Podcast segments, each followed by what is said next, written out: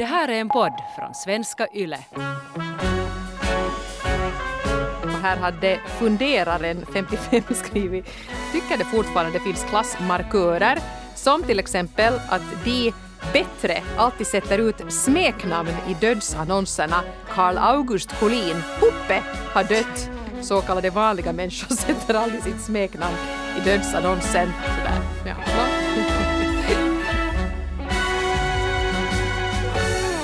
Idag ska vi prata om kräftknivar. Och vilken typ av champagnevisp som är den bästa? Jo, precis. Jo. jo. Jo, Överklasspodden med fru Frans och fröken Norena. Hjärtligt välkomna. Så putslustigt det här ska bli. Jo. Ja, I, idag ska vi prata... Nej, Nä. den podden får någon annan göra för Ja. vi fejkar bara. Ja, eh, vi ska idag prata om klass och huruvida det verkligen finns samhällsklasser något mera eller om det här kanske är ett fullständigt eh, förlegat begrepp. Ja, men Anna, vad skulle du säga? Uh, om vi nu säger att det finns klasser, vilken klass hör du till? Att du är en classy broad, det vet vi ju. Men, eh, Jag hör nog till, till medelklassen. Jag är ju hemma från Österbotten och uh, uppväxt i ett radhus vet du, med medelklassföräldrar eh, och, och liksom säkert har hört till den där stora massan. Och det vill jag poängtera att det var egentligen först när jag flyttade till Helsingfors 2004 som jag blev medveten om att det finns samhällsklasser. Att före det så var jag på något vis lyckligt omedveten om det här med att det finns människor som är helt sjukligt rika. Fina finlandssvenskarna och de här gamla pengarna och de här släkterna. Så, så det var jag, visste jag ingenting om för jag flyttade hit och började umgås lite i, i, i södra Helsingfors så märkte jag att det är tydligen lite skillnad på folk och folk i alla fall. Mm, jag behövde inte ens flytta från, så långt som från Österbotten till Helsingfors för att märka det här först i vuxen ålder. Att jag skulle faktiskt säga att det var först i studielivet som det slog mig att oj, vad olika bakgrund vi tycks ha. Och det är det ju faktiskt inget fel på äh, heller. Men äh, jag skulle ju också säga att jag är medelklass, men jag kanske nu är någon sorts akademisk medelklass för att mina föräldrar är ju båda högutbildade och mamma är filosofie doktor, men de har sen arbetat liksom som vet du, arkivarie och lärare, så vi har ju inte varit på någon sån här segelbåt och sommarstuga skidsemester standard utan sparades det ordentligt av lönerna så kunde man kanske åka till Grekland på sommaren. Och vi har alltid haft det bra och vi har alltid haft tak över huvudet och mat på bordet och det har inte gått någon nöd på mig alls men kanske då där någonstans. Ja, det väl kanske just eh, i de större städerna som man kan märka av att det finns liksom riktigt rika människor. Där det finns människor som till exempel då de flyttar hemifrån så får de flytta till en av släktens bostäder som nu råkar stå ledig på Skatudden eller, eller vad det nu sen kan vara. Eh, att där märker man det. Och, och sådana som kanske då klär sig i dyrare kläder eller har möjlighet att, att uh, strö pengar runt sig på ett annat sätt än vad andra studerande kan göra. Och det är ju också det där tycker jag att de där som är riktigt, riktigt rika det här blir nu fördomspodden. Men i alla fall, en sak jag har noterat, de här som faktiskt har riktigt mycket pengar, de gör så lite väsen av det så att man kanske inte ens har en aning om att det är så. Att det liksom är, speciellt i studielivet, så att inte var det med de där som, som hade riktigt mycket pengar att de liksom gick, vet du, inte gick de omkring och hade liksom diamantänder. Nej. Fast de heter Utan- Fatser i efternamn. No, no, typ så hette de. Ja, men jag menar, vi satt ju alla ändå där och åt samma Unicafé-mat och vi gick ju alla på samma studiefester och drack sån här ljummen billig öl så att det kanske inte var så tydligt och det tyckte jag ändå var ganska, ganska trevligt men sen kanske om man hälsar på hemma hos dem så insåg man att aha, ja, ja, det är på det sättet, okej. Och, och det är ju förstås, jag menar oberoende vilken samhällsklass man tillhör, oberoende hur mycket pengar man har på konto, så är det ju förstås det hurdan människa du är som är det viktiga. Det tycker jag nu ändå att vi ska liksom eh, framhålla så här i början innan vi dyker ner i den här väldigt gedigna brevskörden. Ja, för det här var faktiskt jätteintressant. Det, det här var ett ämne som ni verkligen gick igång på när vi frågade finns klasskillnader fortfarande och när märker du av dem? Och vi var lite osäkra på det här ämnet faktiskt med, med Hanna här. Att kommer någon att, att ha några åsikter om det här? Men, men det hade ni min sann och väldigt varierande sådana. Ja, det handlar inte bara liksom om borgare och bönder. Ja, feodalfurstar och... Jag är uppvuxen som piga. Ja, precis. Nå, nå, Ja. En bonde har vi faktiskt här. Ja. men men det, det återkommer vi till. Mm. Eh, Vi kan till exempel här först nämna eh, signaturen Road, inte kränkts eh, kommentar om, om det finns klasskillnader. Eh, Visst finns det klasskillnader. En övre medelklassbildad person från utlandet eller skärgården betraktas ändå som obildad underklass av helsingforsare av medelklass. Vi är fiskare från skärgården oberoende om vi är läkare eller jurister. Ja, nå. Helsingfors medelklass här kan ju inte... Jag, jag skulle nu säga att jag kanske nu inte riktigt ser på folk på det sättet men, men helt tydligt har ju den här personen då blivit bemött på, på det sättet. Och det, är ju, det är ju lite märkligt. Men där kan det ju också vara att det, man kanske tänker att hur, hur folk talar. Att talar du en dialekt eller märks det att du är någonstans ifrån som inte då södra Helsingfors så då eh, anse, tänker man liksom automatiskt att den här personen då är, är lite liksom på den lägre skalan. Jag vet inte. Ja. Eller sen kanske det är någon, det också, kanske också kan bottna i någon typ av dåligt självförtroende. Vet du, att man själv upplever att man är en fiskare från skärgården. Ja, och inte. framförallt är det ju inget fel på att vara en fiskare från skärgården. Det är väl- hårt jobb. Jag Ja. har följt med via jobbet, just det, en fiskare. Och det var, det var inga, inga lätta pengar Ett, ja, att precis. dra upp ur havet. ett lika hedervärt jobb som, som mycket annat, om inte mera också. Men ja, mm, jag som helsingforsare, eh, dock inte nu från de där finaste stadsdelarna utan jag kommer ju från för, för, jag kommer från orten. Nej, jag, inte riktigt så heller. Men jag kommer från en sån där väldigt prydlig Helsingfors förort som heter Kårböle. Inte så jättegangsta, åtminstone när jag växte upp där. men, men jag kan ibland bli lite provocerad av den här eh, Ring trean. För jag kan också känna att alla som bor utanför Ring trean tittar på oss där innanför och tror att vi är lite böbiga och liksom inte riktigt vet någonting och att vi är väldigt rika och att vi inte har en aning om världen runt omkring oss. Och inte vet jag, kanske det stämmer in på en del men inte har jag nu kanske någonsin, eftersom jag nu aldrig har känt mig som någon sån här liksom en helsingforsare i det avseende att jag skulle liksom se mig som bättre folk på något sätt. Så kan jag också bli lite irriterad på att den där synen råder då utanför Ring trean. Ja. Men det finns ju nog de också som, som är väldigt rika. Kanske också känner så här att, att man kanske lite måste um, hålla tyst om alla rikedomar. Lonely One 55 har skrivit till oss. Det finns stora klasskillnader. Vi är i grunden så ojämlikt fördelade och det här borde man ju lära ut redan i grundskolan. Har man möjlighet så sysslar man med lite dyrare och intressantare saker som en vanlig inte har en aning om. Som till exempel sitter man på en ölterrass och hör hur folk klagar på sina dåliga snuttjobb och att de har svårt att betala för sig. Och samtidigt får man ett meddelande på telefonen att aktierna man köpte på förmiddagen blev sålda och att vinsten för dagen är ett femsiffrigt tal bara att gå åt sidan för att knappa in en ny köporder så ingen råkar se vad man sysslar med. Men man passar liksom inte in i samlingen, skriver Lonely One 55 och jag uppfattar det som att man då i det här avseendet är jag. Alltså det är så här som, som Lonely One gör. Och det är ett hårt liv du har som kammar in ett femsiffrigt belopp på en dag.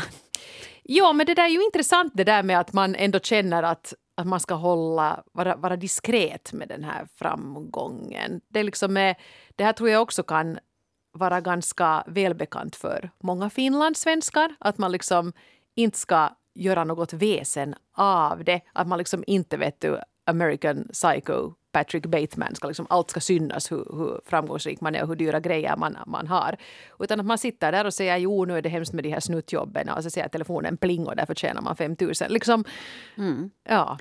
Men, och, och det finns kanske också en skillnad på det där att har du liksom ärvda pengar, att är det din släkt som är rik, att ni alltid har haft pengar eller är, det, är du kanske, har du blivit rik eh, genom eget arbete eller du kanske har startat en firma som blev framgångsrik. Att det finns ju kanske en skillnad där också. Det finns det garanterat, ja. Katja, 35, har skrivit så här. Jag upplever ofta ekonomiska skillnader mellan mig och mina vänner, någonting som jag inte direkt skulle påstå beror på olika klasstillhörighet, utan helt enkelt kommer från att vi jobbar inom olika branscher och tjänar olika mycket. Det här framgår speciellt om vi till exempel planerar att gå ut och äta tillsammans. Då kan det vara någon som helt enkelt säger rakt ut att Hörni, jag kan inte följa med för jag har helt enkelt inte råd. Även om det inte är tal om någon femstjärnig Michelin-restaurang. Jag har vid några tillfällen erbjudit mig att betala för den som inte haft råd eftersom jag ju hemskt gärna vill umgås med alla mina vänner och det har uppskattats. Dock måste jag tillägga att jag ibland inte förstår hur man inte kan ha råd med till exempel en middag med vänner med nog kan lägga pengar på nya kläder och alkohol. Men det är väl en annan diskussion. Jag har en väldigt dyr hobby, vilket ofta gör att folk tror att jag tillhör en högre klass än vad jag faktiskt gör. Och när jag sen berättar vad jag jobbar med så blir många förvånade och får inte riktigt ihop det. Då tror de istället att jag har en rik man. Jag är faktiskt eh, lite stolt över att jag, som kommer från arbetarklass, har genom hårt arbete kunnat skaffa mig en hobby som jag brinner för, som de flesta anser tillhör överklassen. Men nej, pappa betalar inte, min man är ingen sugar daddy och arvet från mina föräldrar kommer troligen att bestå av en kantstött furumöbel och en döv katt. Så skriver Katja, 35. Det var inte mycket till arv, men det kan väl vara sympatiskt det också. Ja, katt en katt. Katt, ja, en furumöbel en furumöbel. Ja. Man kan ju måla den. Ja. Men där, Katja märker ju tydligen att det finns liksom en skillnad just i kompisgänget. Ja, och det där är ju intressant också för att det här kanske nu inte har direkt med klass att göra, men vi kommer nu in på det så, så låt gå. Men det här just med vad man sätter sina pengar på. Att till exempel, här var också Prusiluskan som skrev om det här att eh, att hon har märkt en viss nyfikenhet gällande hur mycket hon tjänar. Hon hörde till någon sorts övre medelklass och skrev att jag är vårdledig nu och det här kommenteras öppet. Ja, nu har ni säkert inte råd att amortera på huset eller ja, jag hade nog inte råd att vara hemma så där länge. Mm. Och det där faktiskt minns jag själv från, från, från tiden när jag första gångerna var, var mammaledig. Att det var mycket så att man sa att ja, vi har nog inte råd, att vi har, vi, vi, vi har nog inte möjlighet att var nu lycklig du som är så rik att du kan vara hemma så där länge. Att sådana saker sades öppet. Och det där måste ju ändå vara, jag menar någon kanske lever sparsamt annars men sätter tusentals euro på handväskor för att det är dens grej. Eller någon äter nudlar hela året för att den vill resa. Mm. Eller då ha en hobby som, som Katja skrev. Eller att man då liksom faktiskt typ tar lån för att kunna vara hemma länge med sina barn. Det är ju helt vad man själv tycker att det är viktigt och värt att sätta pengar på. Mm, absolut. Uh, här var också signaturen Flexibel som, som skrev in lite tips på hur man kan göra ifall man kanske upplever att det finns en, ja, en obalans i, i kompisgänget. Ja, precis gällande sånt som att gå ut och äta, som ja. Katja också var, var inne på här. Och, och det här tyckte jag ju lät ganska vettigt. Klart att det känns tråkigt att en del av mina vänner ofta inte har pengar medan jag och vi andra skulle ha. Men jag har tänkt att med den vännen kan vi gå på pussikalja istället för på ett dyrt glas vin. Eller så går vi på restaurang och jag tar det där dyra glaset vin och vännen beställer en öl. Eh, annars också satsa på billigare eller gratis aktiviteter såsom promenader eller chillande hemma hos någondera. Man behöver inte alltid göra så mycket, speciellt med vännerna, för det är ju umgänget som är viktigast.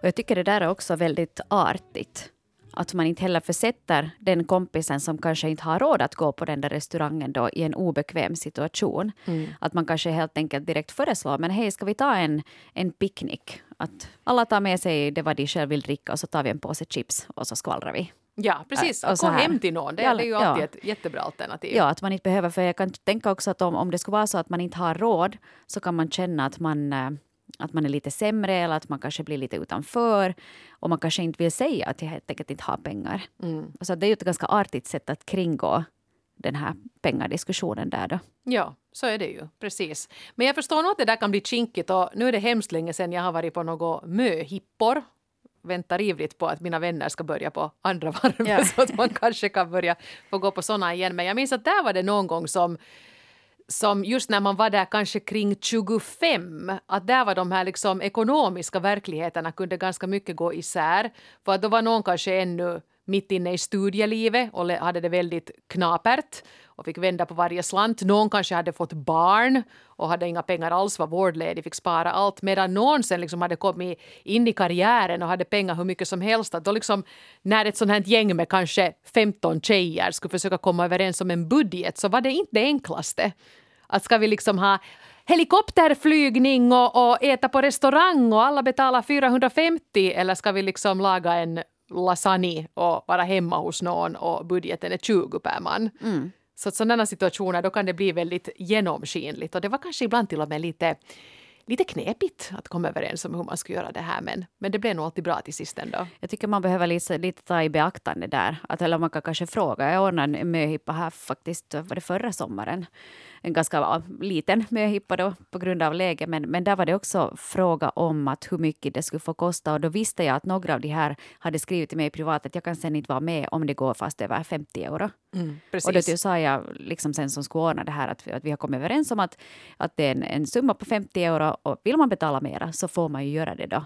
Men att 50 euro är liksom det. Ja, precis. Så att där kan man ju liksom göra det. Man så, kan så ha man mycket roligt för 50 euro, hui vad man kan. En Ja. tycker säkert att 50 euro är sjukt mycket pengar när vi nu slänger ut den summan här, för att det, det är så himla olika. Ehm, vi skulle kunna stanna kvar vid middagsbordet här ännu. Här är Sherrybon, 40, som har skrivit. Jag anser mig vara av den ödmjuka arbetarklassen och har efter många års hårt arbete lyckats avancera i min bransch. Nu står jag plötsligt där mitt bland medelplus och överklassare och det är arbetsresor, middagar och andra sittningar hela tiden.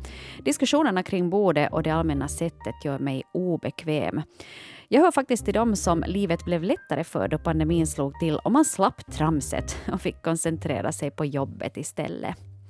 Så skriver Sherryborn som uppenbarligen då inte trivs så bra kring de här eh, vita bordsdukarna och silverbesticken. Ja, jag undrar lite att vad, vad är det som händer annat där vid, vid de där borden som blir så obekvämt? Är det att man börjar sjunga snapsvisor eller, eller är det på något sätt något något divalater eller någonting. Det måste ju vara något beteende som dyker upp som känns obekvämt. För nu kan ju vem som helst sitta vid liksom en, en vit bordduk och, och fundera på att vilket bestickmål jag ska använda nu. Mm, ja.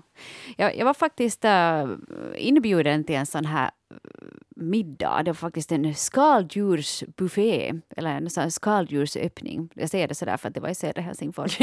och det, det, var liksom, det var de riktigt, riktigt rika människorna som skulle vara med på den här middagen. Det var kanske en 15 pers av de här som, som har liksom helt jättemycket pengar. Och jag vet inte jag var inbjuden som kanske lite den här narren som är inbjuden vet du, för att underhålla. Och, och jag var redan före det här, för jag hade en kompis då som bjöd in mig. Så, så hon sa att ja, vi bjuder ju givetvis på den här. För jag tänkte jag besätter inte liksom 250 euro Nej. på, på lite ostron och, och champagne. Jag har inte såna pengar. Hon sa att vi betalar givetvis de, de, de middag bara du kommer så här, med. vi har 50 ostron, 8 humrar, en norrena, tre flaskor champagne. Ja, jag tror vi har allt. Då har vi allt, ja. Men då, då kände jag mig lite så att, att jag var liksom inbjuden för att underhålla. Ja. Att, vet du, för då, de, de kanske behövde få höra lite rolig läppa. Och, där- och där märkte jag nog väldigt stor skillnad i till exempel den här ena frun då, som satt och beklagade sig över att hennes, hennes liv är så tråkigt. Att de, förra året så köpte de ju en ö för att de skulle ha någonting att göra. Ja, ja, och nu är den ju gör, liksom färdig inredd, liksom, som hon gick igenom de detaljerna med vet du, den här ja. trädgårdsarkitekten, inredningsarkitekten och allt det där. Och nu är det livet som så tråkigt. Och hon vet inte vad hon ska liksom göra med sin tid och vad hon, att hon skulle kunna sätta sina pengar på någonting liksom roligt. Och samtidigt så satt jag ju där och var eh, fullständigt barskrapad, indrag i en fem år lång rättegång om ett mögligt hus vet, du, och levde på lånade pengar. Så då tänkte jag så att om du vill ha något roligt att, att lägga dina pengar på så du kan lägga dem på mitt konto. Ja, Vet du, precis. redan en 10 000 jag kan skulle- dra en läppe. jag kan dra några Ja. lappar om du ger mig en 10 000 så ska jag få hyran betald. Så där kan man ju märka liksom lite den där och jag kan också märka att jag kände liksom ett agg mot personer som talar som i sådana termer. Uh, vet du, så att, men det känns som att, att har du ingen verklighetsuppfattning överhuvudtaget eller har du så mycket pengar så ge dem till barnen i Jemen så behöver inte de svälta istället för att köpa ännu en ö bara för att du har tråkigt. Ja, och framförallt det där att hon då var negativ. Jag menar, Ja. hon har sagt att åh, att jag älskar vårt nya sommarhus och det har varit så roligt att inreda och det är en dröm som har gått i uppfyllelse. Så skulle man ju mera kunna tänka att men kiva för dig. Ja. Ja. Men om det liksom inte ändå riktigt dög så blev det ju lite sådär oj, oj, jag hittar inte en så liten violin så att jag kan spela nu lämpligt för den här situationen. Men Ja. ja, jag kan ju förstå det där. Att där, där tänker jag kanske att, att man märker av den här klasskillnaden på så sätt att, att äh, den klass som de människorna tillhör, så de verkar vara ganska sådär verklighetsfrånvända. Mm, ja, det kan hända. Och, och, och en del är det säkert inte, inte alls, Inte utan alla, mycket, mycket medvetna. Men, eh, Men de och- var mycket trevliga, givetvis, för de har ju god uppfostran. nå, hur, hur klarar du dig nu med de där skaldjuren? No, för jag, jag, tycker, alltså jag är ju inte kräsen med mat, men ostron, går- jag fixar ju inte ostron. Så jag gav dem till min bordsherre istället. Aj, så bra. Och du fick pärlan. Ja. Ja, eh, om vi försöker lite på något sätt, jag menar det, det är svårt att inte bara prata om pengar när man pratar om, om klass, men, men det har ju att göra med andra grejer också. Och då hade vi här Lisa, 36, som skrev ett jättelångt och jättebra eh, brev här med massa bra poänger, men eh, jag tycker det här till exempel är en bra synpunkt. Som vuxen har jag insett att klasskillnader absolut existerar, men man kanske är mindre medveten om dem ju mer privilegierad man är. Det är typiskt skandinavisk medelklass att tro att klass inte är relevant. Mm. Tänkte jag lite i anknytning till det som vi pratade om här i början, att, att vi inte riktigt var medvetna om att klasser fanns när vi växte upp. Ja, ja. Man hade inte sett över klassen, men man hade kanske inte riktigt sett någon som var, hade det helt eländigt heller. Ja. Mm. Och Lisa fortsätter här. Jag ser tydliga kulturella skillnader mellan min farmors familj, där utlandsvistelser och universitetsstudier har varit en självklarhet i flera generationer, och sen min mammas släkt, där barnen turades om att gå till skolan för att det inte fanns tillräckligt många par skor.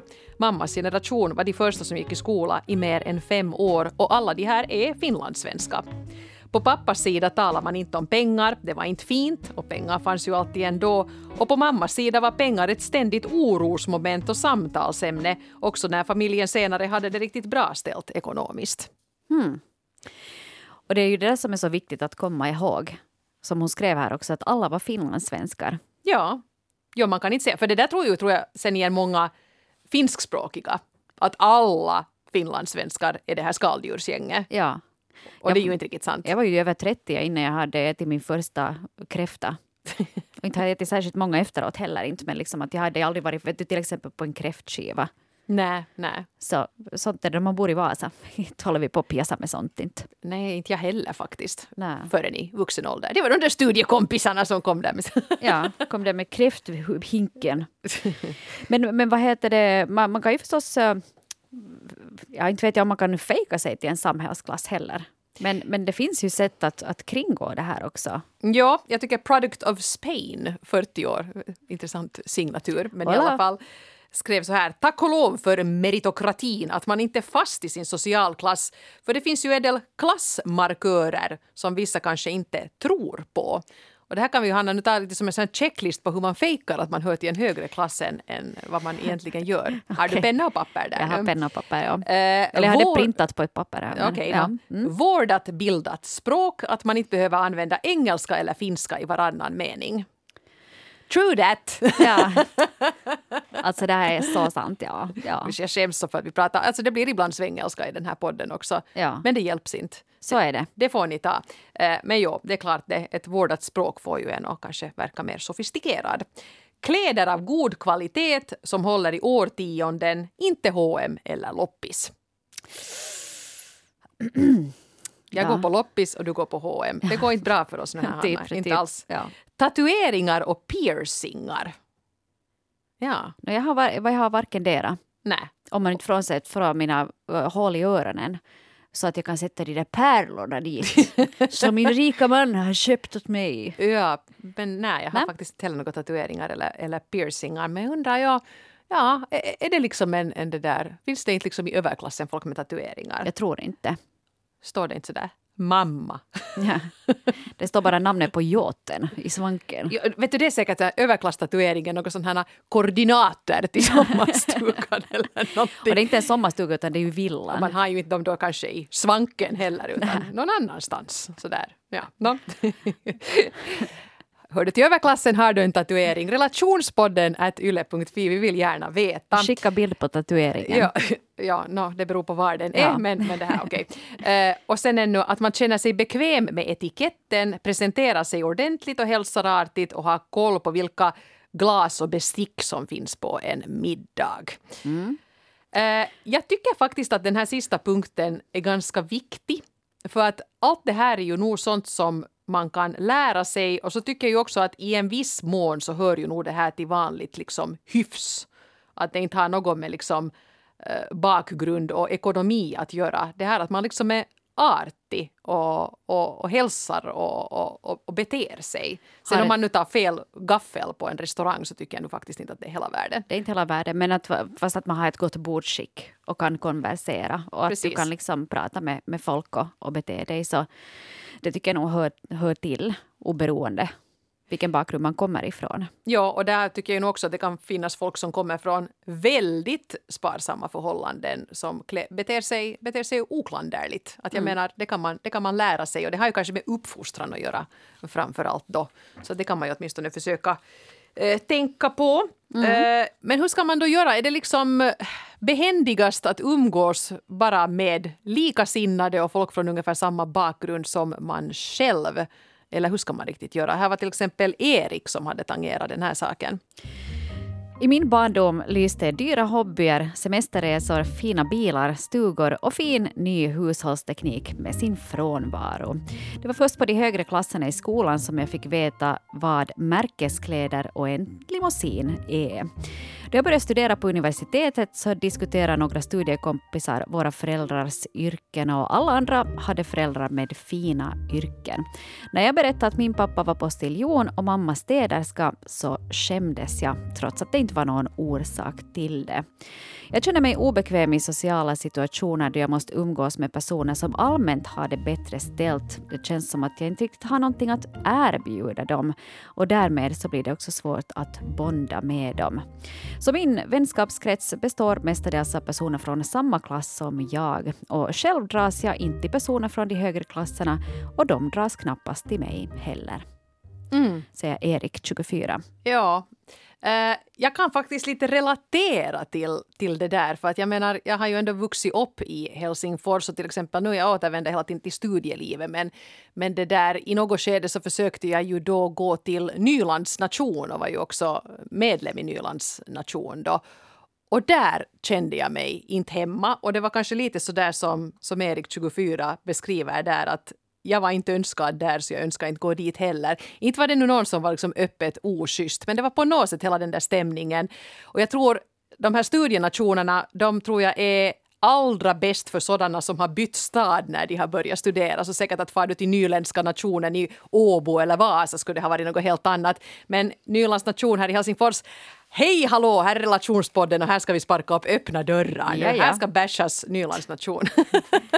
Men i alla fall, det kändes lite att det här är det här gänget nu som har gått i Norsen och nu går de alla på Hanken och de har känt varandra sedan de var tre och det går inte riktigt att komma in i det här gänget. Sen vet jag att jag hade kompisar som kom från ungefär likadana förhållanden som jag som trivdes bra där. Men jag tyckte liksom lite att här är folk som ser ner på mig och jag gör något, något roligare på en lördagkväll än att jag går omkring och är lite som den här hovnarren som du upplevde att du var på den här skaldjursmiddagen. Det var liksom en konstig stämning där, inte en välkomnande stämning och det tyckte mm. jag att var lite oväntat. Det här är nu 20 år sedan. Kanske det har förändrats till det bättre, kanske det har blivit ännu sämre. Det vet inte jag. Men det var min erfarenhet. Kanske det kan finnas en, en, en liksom sanning också i det, att lika barn leker bäst. Att de har liksom sin klick Ja, det var nog kanske liksom det som det var frågan system om. Och man är som så. Ja. ja det, Sen gick jag till Vasa nation istället. Alltså Vasa nation i Helsingfors. Och det var jätteroligt! No, där var ju också en massa klickar, men det var liksom öppna klickar. Det gick bra och, och i en klick hittade jag eh, mitt livs man, så det var ju bra mm. att det ordnade sig på det sättet. Ja. Mm.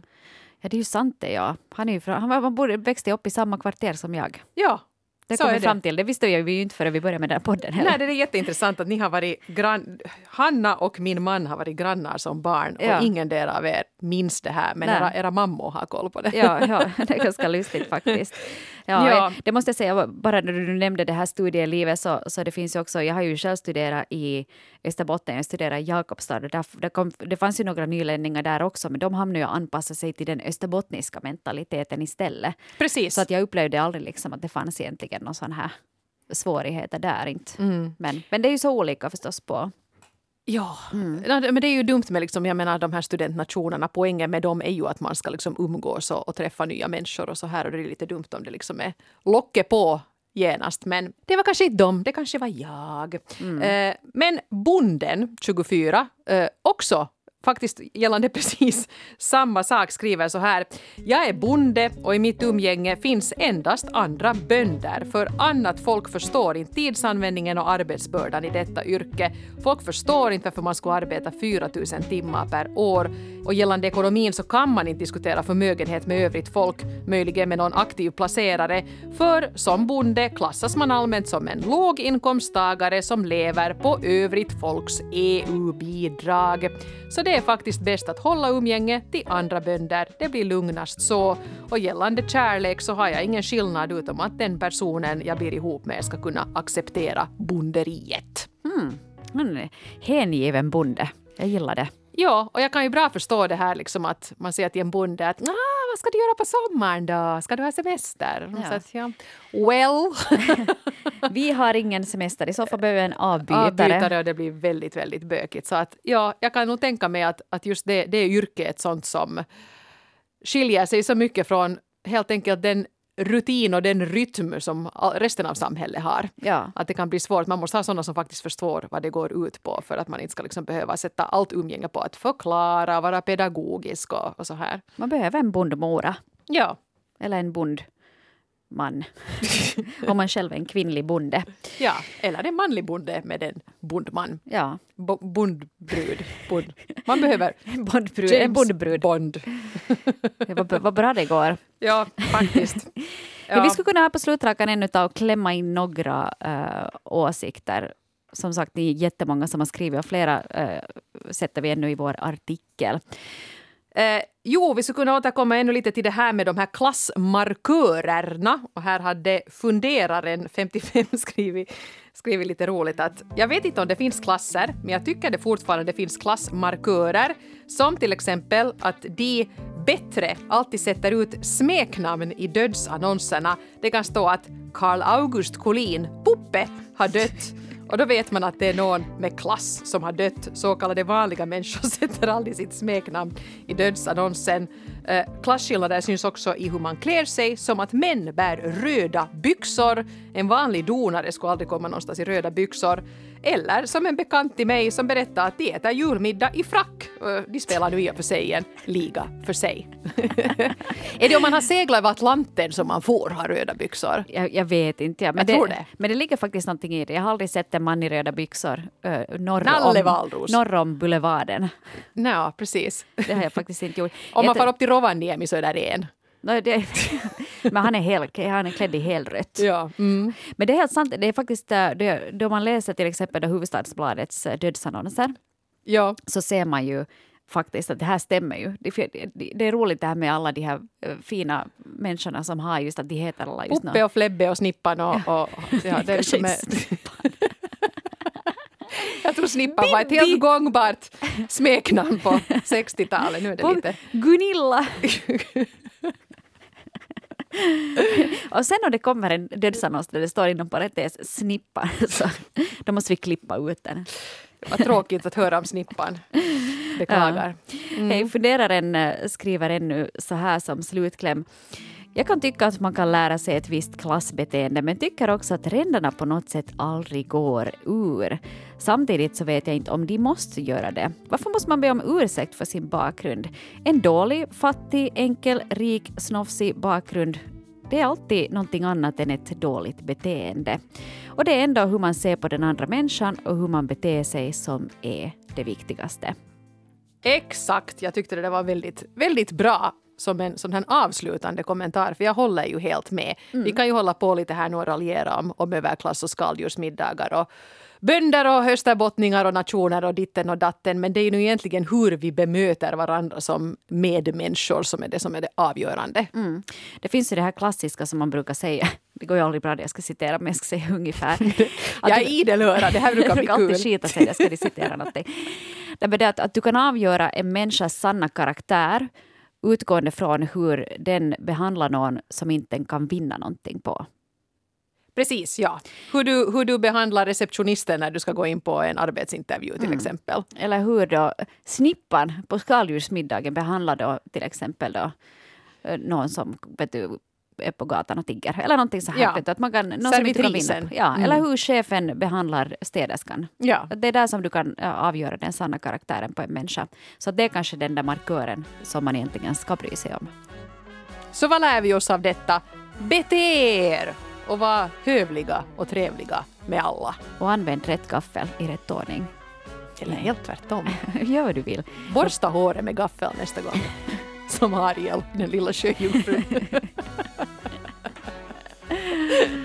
Det var roligt. Hej, tack till er. Ni är helt guld. Fortsätt att skriva till oss. Relationspodden yle.fi.